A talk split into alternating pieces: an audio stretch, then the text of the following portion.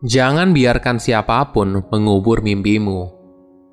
Halo semuanya, nama saya Michael. Selamat datang di channel saya, Sikutu Buku. Kali ini saya tidak membahas buku, tapi membahas soal kisah inspiratif dari Albert Einstein, seorang ilmuwan jenius dan merupakan orang berpengaruh abad ke-19. Sebelum kita mulai, buat kalian yang mau support channel ini agar terus berkarya, caranya gampang banget kalian cukup klik subscribe dan nyalakan loncengnya. Dukungan kalian membantu banget supaya kita bisa rutin posting dan bersama-sama belajar di channel ini. Nama Einstein saat ini identik dengan orang jenius, dan penemuannya yaitu E sama dengan MC kuadrat telah dipelajari oleh jutaan murid di seluruh dunia. Albert merupakan salah satu ilmuwan terbaik sepanjang masa dan telah memenangkan penghargaan Nobel dalam bidang fisika pada tahun 1921. Walaupun Albert saat ini dikenal sebagai orang yang jenius, hidup yang dia jalani tidak mudah. Dia pernah dianggap bodoh dan tidak berguna. Namun, semua hal ini tidak mengecilkan dirinya. Kecintaannya yang begitu besar pada matematika dan fisika membuat Albert tetap berkarya, hingga akhirnya mampu berkontribusi positif bagi sejarah umat manusia. Saya akan menceritakan kisahnya, semoga bermanfaat bagi kita semua. Albert Einstein lahir dari keluarga kelas menengah di Jerman pada tahun 1879. Ayahnya merupakan insinyur dan salesman terkenal. Era di mana ayahnya tinggal berbeda dengan era di mana Albert lahir. Di era ayahnya, tidak ada lampu listrik, rumah pada masa itu masih menggunakan lampu gas dan minyak. Selain itu, kuda merupakan alat transportasi yang umum. Dari era itu, teknologi berkembang cepat. Albert lahir di tahun yang sama ketika Thomas Alva Edison menemukan bola lampu listrik. Setahun setelah Albert lahir, ayahnya pindah ke Munich untuk mendirikan perusahaan yang menjual peralatan listrik bersama pamannya. Usahanya pun sukses dan pada tahun 1855, keluarganya hidup dengan kondisi yang berkecukupan. Zaman sekarang, nama Einstein suka diasosiasikan dengan kata jenius. Walaupun begitu, Albert kecil bukanlah anak yang berbakat. Dia baru bisa mulai berbicara ketika umurnya tiga tahun. Bahkan, orang tuanya sampai membawa Albert ke dokter untuk mengecek apakah dia punya masalah dalam tumbuh kembang atau tidak. Belakangan, Albert baru bercerita kalau pada masa itu dia suka membentuk kalimat dalam pikirannya tapi tidak pernah mengucapkannya. Itulah yang membuat orang tuanya jadi khawatir. Kehidupan Albert saat di sekolah dasar juga biasa saja. Nilai di pelajarannya cukup oke, dan nilai yang paling menonjol adalah matematika dan fisika. Keberhasilan Albert dalam belajar bergantung pada kesukaan dia terhadap mata pelajaran yang diajarkan. Ternyata, kesukaan dia terhadap matematika dan fisika berasal dari perusahaan yang didirikan oleh ayahnya. Ketika berumur 4 tahun, ibunya baru tahu kalau Albert memiliki bakat dalam memahami mekanik seperti ayahnya. Saat itu, dia bermain dengan kompas yang diberikan oleh ayahnya. Pada tahun 1988, Albert masuk ke dalam sekolah SMA yang punya standar tinggi. Misalnya, mereka harus belajar bahasa Yunani dan Latin. Albert punya karakter yang unik. Dia suka belajar dengan caranya sendiri daripada mengikuti panduan. Sikap inilah yang membuat Albert sering bermasalah dengan gurunya. Ketika dia berumur 10 tahun, Albert belajar dari pamannya yang bernama Jacob Einstein. Pamannya juga punya kebiasaan yang unik. Dia suka membelikan Albert buku untuk tahun ajaran berikutnya. Dengan cara ini, Albert belajar sebelum kelas dimulai dan bisa mendapatkan nilai bagus tanpa aktif di kelas.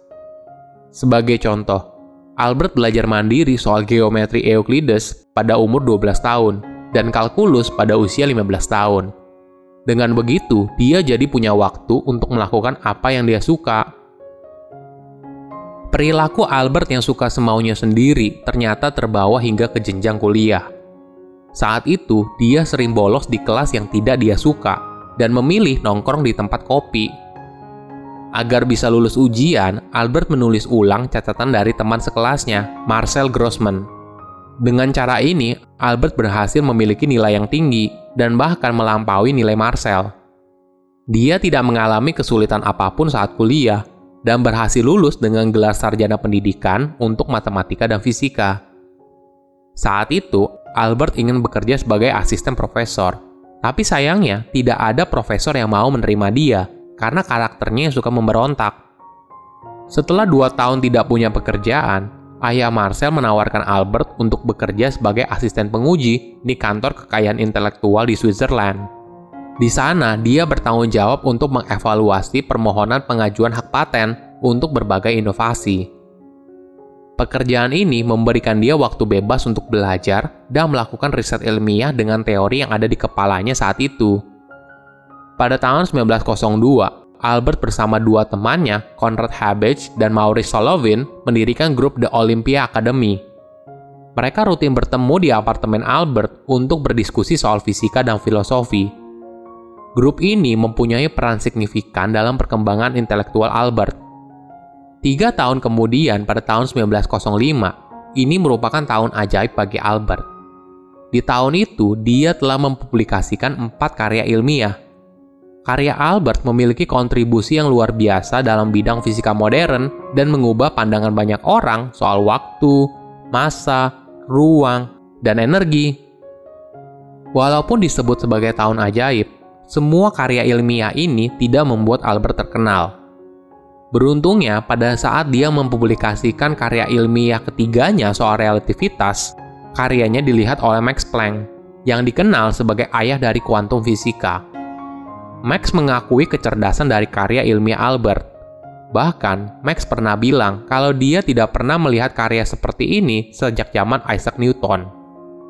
Kemudian di akhir tahun, Albert mempublikasikan karya ilmiahnya yang berisi rumus E sama dengan mc kuadrat yang menjadi basis ilmiah dalam energi nuklir.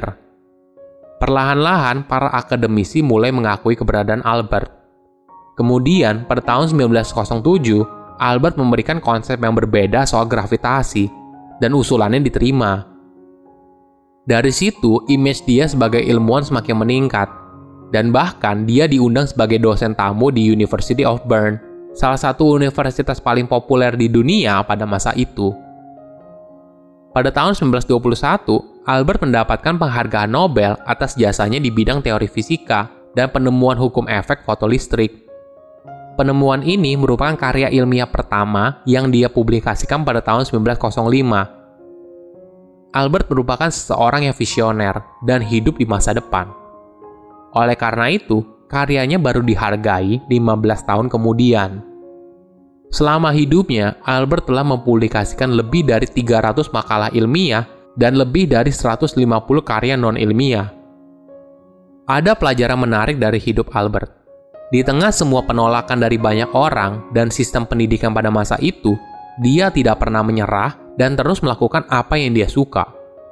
Dia tidak membiarkan siapa pun untuk mengubur mimpinya. Albert tetap fokus mengembangkan teori, eksperimen, dan riset hingga akhirnya sejarah yang mencatat. Hidup memang tidak ada yang menyangka seperti apa. Coba bayangkan, Albert adalah anak yang punya kesulitan bicara saat usianya tiga tahun. Dia juga punya karakter pemberontak dan suka bolos masuk kelas. Kemudian, ketika Albert baru lulus kuliah, dia sempat menganggur selama dua tahun. Tapi orang seperti itu merupakan ilmuwan jenius dan memiliki karya yang bermanfaat bagi umat manusia. Albert sadar, jika kamu berbeda, orang lain pasti akan menentang kamu. Oleh karena itu, dia tidak pernah takut dengan kesulitan hidup dan terus melakukan apa yang dia cintai tanpa harus mengikuti apa yang dilakukan oleh orang lain. Albert merupakan pribadi yang pekerja keras, punya keinginan kuat, dan tidak gampang menyerah. Dia juga sering dijuluki sebagai ilmuwan gila, pemenang penghargaan Nobel, dan namanya merupakan sinonim dari kata jenius. Menjadi jenius bukanlah hal yang mudah. Ketika kamu berbeda dengan orang lain, hanya sedikit orang yang bisa memahami kamu. Walaupun begitu, jangan pernah berhenti untuk melakukan apa yang kamu suka. Silahkan komen di kolom komentar pelajaran apa yang kalian dapat ketika tahu informasi ini. Selain itu, komen juga mau tahu informasi apa lagi yang saya review di video berikutnya. Saya undur diri, jangan lupa subscribe channel YouTube Sikutu Buku. Bye-bye.